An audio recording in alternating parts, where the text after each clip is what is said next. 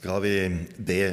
Herre Jesus, vi stiger frem for deg og ber om at du må møte oss gjennom ditt ord og ved din ånd. Og jeg ber, Herre, om at det som skal bæres frem ifra mitt hjerte og min munn, må være slik at du kan bruke dem, slik at vi ser deg, Jesus, ser hvem du er, og at du får betydning for våre liv. Amen.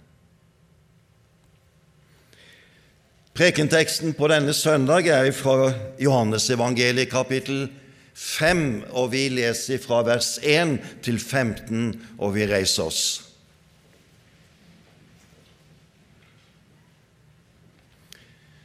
Etter dette kom en av jødenes høytider, og Jesus drog opp til Jerusalem.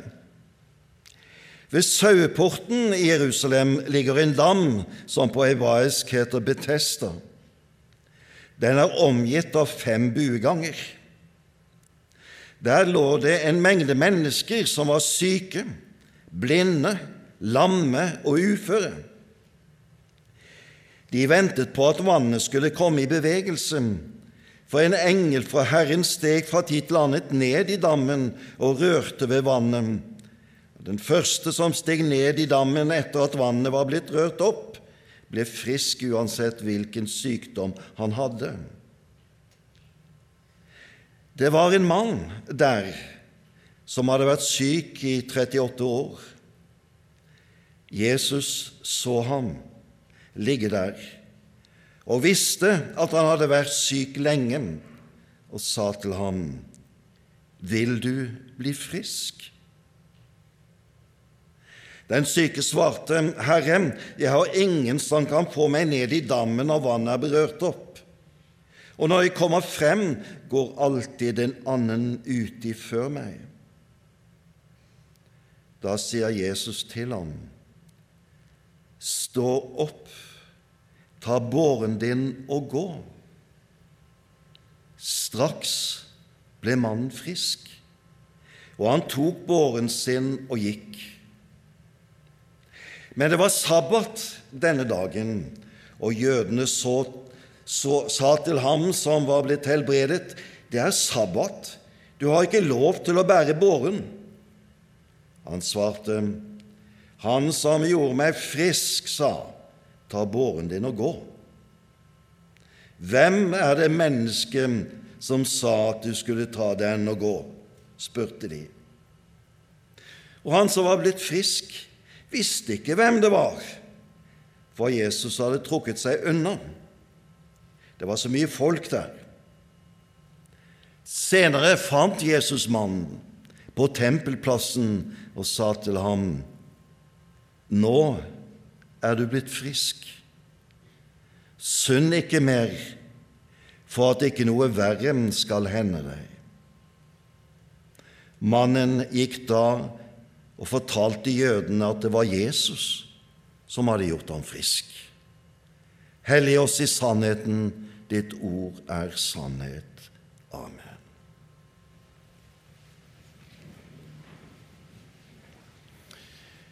Vi er fortsatt i den delen av kirkeåret som kalles åpenbaringstiden.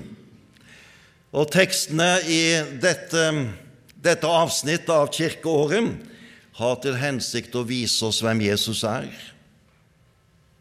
hva som kjennetegner hans liv og hans gjerning. Og I denne teksten som vi nå har lest, møter vi Jesus på to scener. Først ved Betestadammen og deretter på tempelplassen. Og På disse to scenene stiger da Jesus frem, og samtidig kasta han et lys over menneskelivet. Og to litt forskjellige dimensjoner ved menneskelivet. Vi hører at Jesus har vært en periode i nord, i Galilea, nærmere bestemt på vestsiden av Genesaretsjøen, i områdene rundt der hvor han gjorde sitt første under i Kana. Men så er altså en av høytidene som jødene feirer, kommet, og Jesus drar ned til Jerusalem. Og Der drar han inn gjennom saueporten, hører vi, og like innenfor saueporten ligger altså denne Betestadammen. Og denne Betestadammen, den har kanskje noen av dere stått ved og sett utgravningene, og som viser spor av denne, det stedet hvor denne scenen fant sted. Og rundt denne dammen hører vi at det ligger mange syke mennesker. Blinde, lamme og uføre. Og det ligger også en med en lang sykdomshistorie. 38 år har han tilbrakt på sykesengen.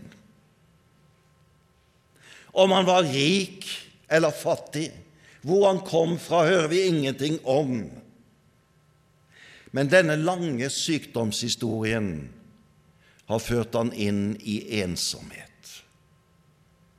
Han ligger der alene. Familie, slekt og venner som kanskje har vært der en periode i hans liv, er nå ikke der lenger. Han hadde sikkert søkt hjelp mange steder sikkert brukt opp alle sine midler. Og nå ligger han her, i et håp om å bli frisk. Hvor lenge han har vært der, vet vi ikke, men han har et forsett om at han kanskje kan bli frisk. Han har en vilje og en livstrang og et håp. Derfor ligger han her. Ja, selv om han opplever det igjen og igjen, at andre kommer før han ned i dammen når det er blitt opprørt vann, så ligger han der fortsatt i håp.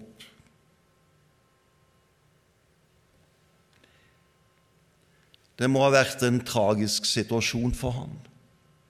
Å oppleve på ny og på ny at hans sykdom og vannførhet gjorde at de blinde kom først. De som var rammet av andres sykdommer, som allikevel kunne bevege seg, kom først.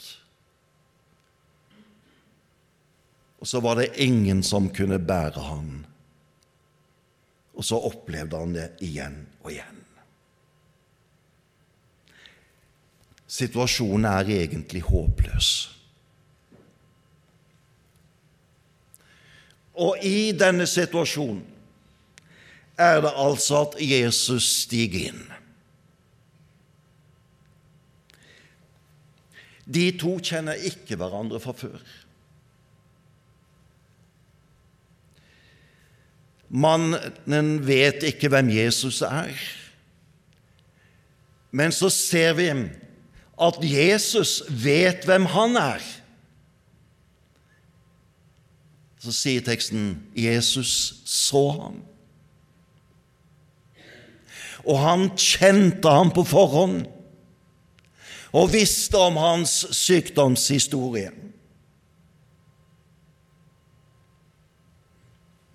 Slik er Jesus. Han ser oss. Han ser alle. Og i dag er vi også til stede for at han skal se oss. Og han ser oss. Han vet hvem vi er. Han kjenner oss ved navn. Vår historie er kjent av han. Vi er ikke et nummer i en rekke. Vi er ikke et navn på en liste men vi er kjent med hele vårt liv av ham.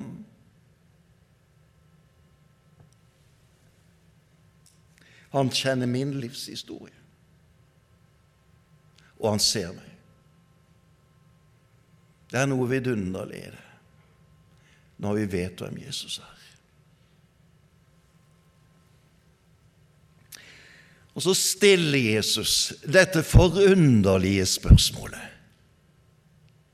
Vil du bli frisk? Selvfølgelig vil han bli frisk. Han ligger jo der fordi han ønsker å bli frisk. Hele hans liv har vært båret opp av en vilje til å bli frisk. Men viljen var så maktesløs. Den skapte ikke krefter i føttene. De skapte ikke bevegelse i kroppen. Viljen hans kunne ikke føre han til dammen som førstemann. Spørsmålet er derfor svært avslørende,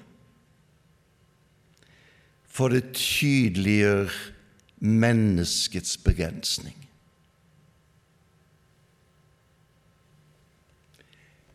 Vår vilje og vår makt er begrenset. Og dette spørsmålet avslører det enda en gang for denne syke, som har kjent på det i mange, mange år. Riktignok så er det slik at menneskets makt og vilje har utrettet store ting gjennom historien. Og Ikke minst gjelder det innenfor det livsområdet som denne teksten berører, nemlig innenfor medisin. Medisinsk forskning og medisinsk pleie har hatt en rivende utvikling fordi at mennesket ville noe godt. Men aldri kommer vi til å være i en situasjon hvor det ikke er sykehus og leger.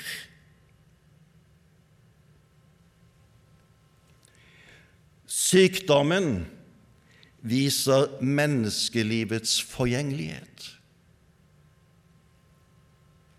dets skrøpelighet. Sykdommen setter grenser for menneskets vilje. Den syke ved Betestadammen vet dette. I 38 år er den sannhet spikra inn i hans bevissthet. Og så kommer da Jesus spørsmål, og så gir den, den syke kanskje et lite håp. Og i hans svar til Jesus så merker du at det ligger en forventning under. Kanskje du vil være den vennen min som vil bære meg til dammens kant når vannet blir rørt opp. Kanskje du er den.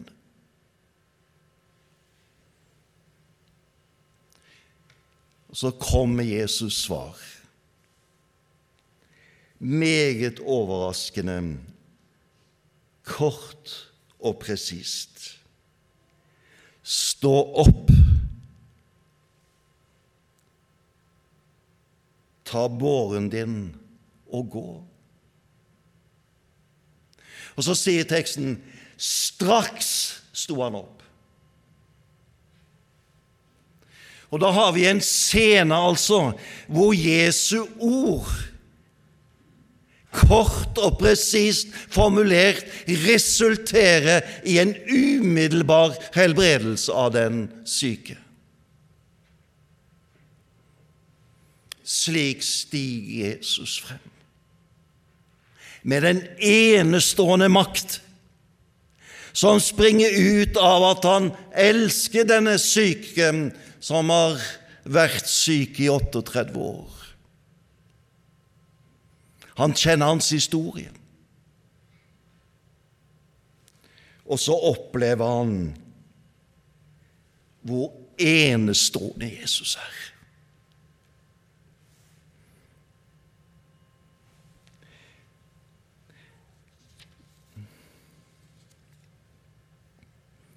Men la oss løfte blikket litt. La oss tenke gjennom dette en gang til. og sette det inn i en enda litt større sammenheng. Det var mange syke rundt Betestadammen. Men bare én ble frisk. Det skjer ikke fordi at denne syke har en større tro enn alle de andre.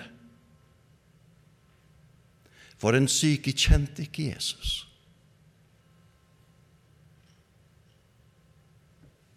Det som står i sentrum, er Jesus. Og i Johannes evangeliet kalles Jesu under for tegn. Det er altså begivenheter som viser ut over seg selv til en større sammenheng. De peker mot noe, og de peker imot Jesus. Han har makt over menneskelivets skrøpeligheter og forgjengeligheter. Han har makt over det som kom inn i skaperverket på grunn av syndefallet, og som derfor rammer oss alle sammen. Skrøpeligheten og til slutt døden rår vi ikke med. Men det er en som har avlagt et tegn på at han makter.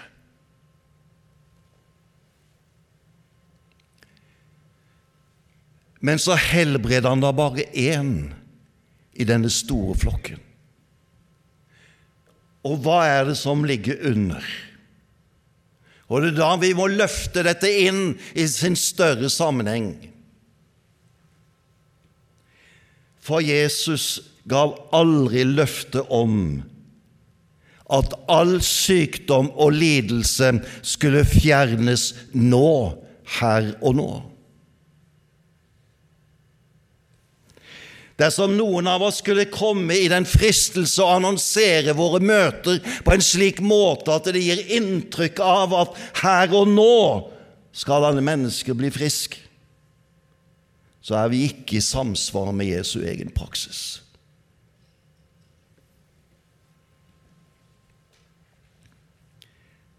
Den syke som ble helbredet, han skal dø en dag. Hadde han helbredet alle de som var der ved dammen den dagen, så skulle de alle igjen kunne bli syke, og de skulle dø. Guds rike var ikke brakt inn på den måten at hans himmelske herlighet brøt igjennom for alltid. Derfor er dette under et tegn på at når Jesus sier at han skal komme igjen i makt og herlighet og gjenreise det falne skaperverket, så forkynner dette under oss ja, det skal skje. Fordi at han vi står overfor, han har makt til å gjenreise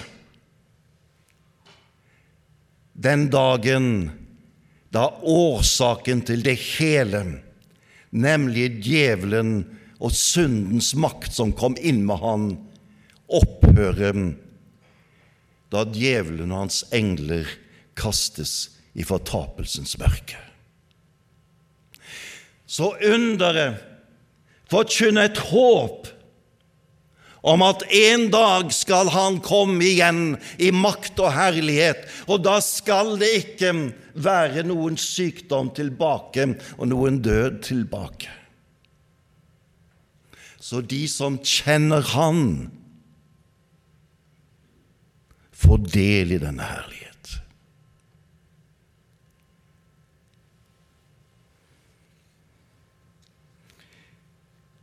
Vidunderlig Jesus som gir et slikt håp over våre liv. Så selv om vi, vår makt og vår vilje er maktesløs overfor vår skrøpelighet og til slutt vår egen død, så det er én som er sterkere.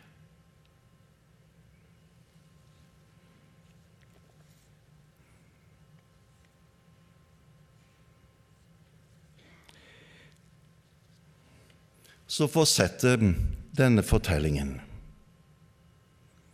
Og så trer det frem en ny scene. Så er de forflyttet seg fra Betestadammen, og så er de på tempelplassen. Fortsatt vet ikke den syke som er blitt frisk, hvem Jesus er.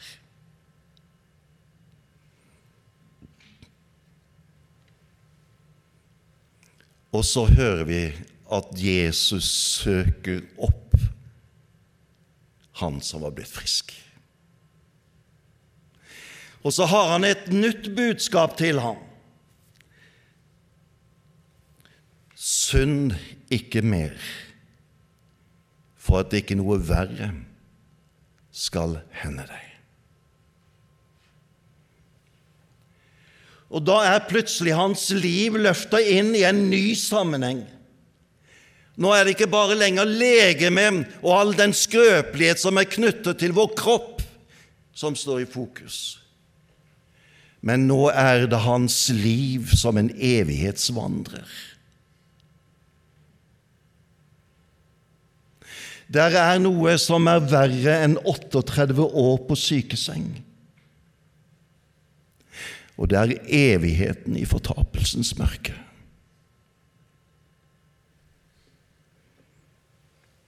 Og han som ikke kjenner Jesus, han ønsker Jesus å bli kjent med, slik at hele budskapet skal kunne nå hans hjerte, slik at han ikke bare blir frisk i en kropp, men hans liv, hans ånd, hans sjel kan bli frelst.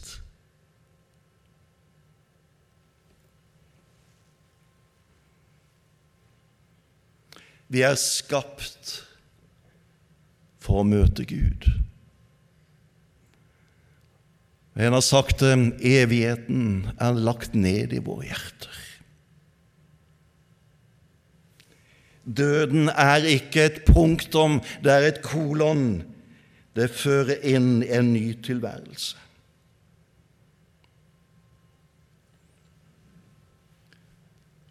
Synden skape avstand til Gud og føre meg til slutt i fortapelsens mørke dersom den ikke blir tilgitt. Synd ikke mer.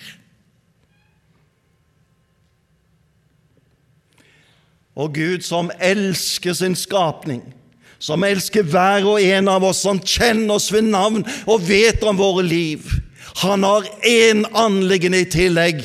Han ønsker at vi skal bli bevart,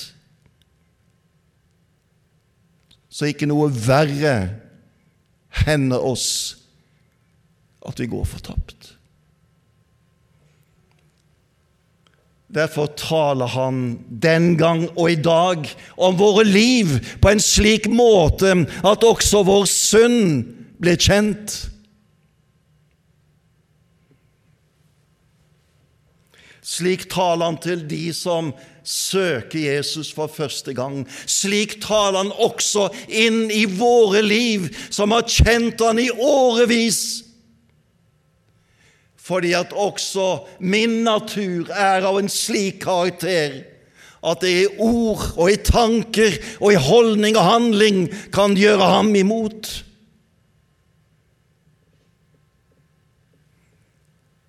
Derfor gjelder det også for oss å være klar over at vi er en evighetsvandrer, og inn i denne evigheten er det ett ord som løser oss ut til paradis. Og det er ordet om syndenes tilgivelse. Den som bekjenner sin synd, han opplever Guds vidunderlige nåde dine synder er tilgitt. Men de som gjemmer på sin synd, de som holder fast på sin synd, og som verner om den, deres liv står i fare. Derfor er det at den som lever i lyset, han opplever at evangeliets rensende kraft kom i hans liv. Sunne tilgives, ren og rettferdig, himmelen verdig, for Jesus skyld.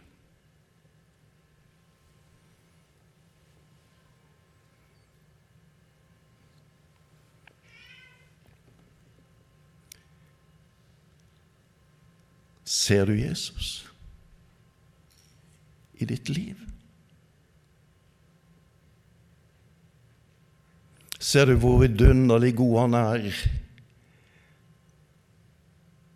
når du hver dag får stå opp og være frisk, gå til dine oppgaver, ta imot all den omsorg og velsignelse som han gir i ditt daglige liv?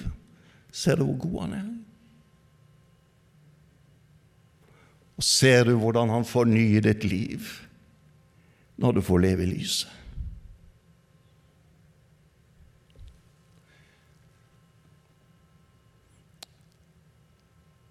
Vi skal synge en sang etter talen nå, som er formulert som en bønn.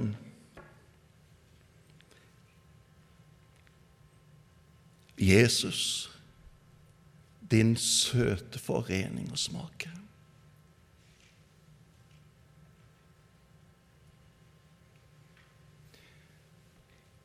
Den er formulert som en lengsel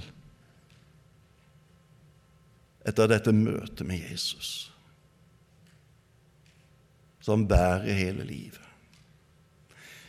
Den sangen fikk dyptgripende betydning en gang den ble sunget ute på en åker av Hans Nilsen Hauge 15. april 1796. Da talte denne sangen inn i hans hjerte på en slik måte at hele hans liv ble forvandlet, og det som skjedde i forlengelsen, det skapte norsk historie. Hele det 18. århundre er preget av denne begivenheten der ute på åkeren. En sang som Gud brukte på en slik måte at det forvandlet livet. Hauge var døpt. Han kunne salmene, han kunne budene, han kunne alt den kristne barnelærdommen men så er det som om denne bønnen som salmen her uttrykker, slår inn i hans liv på en måte han aldri har erfart før.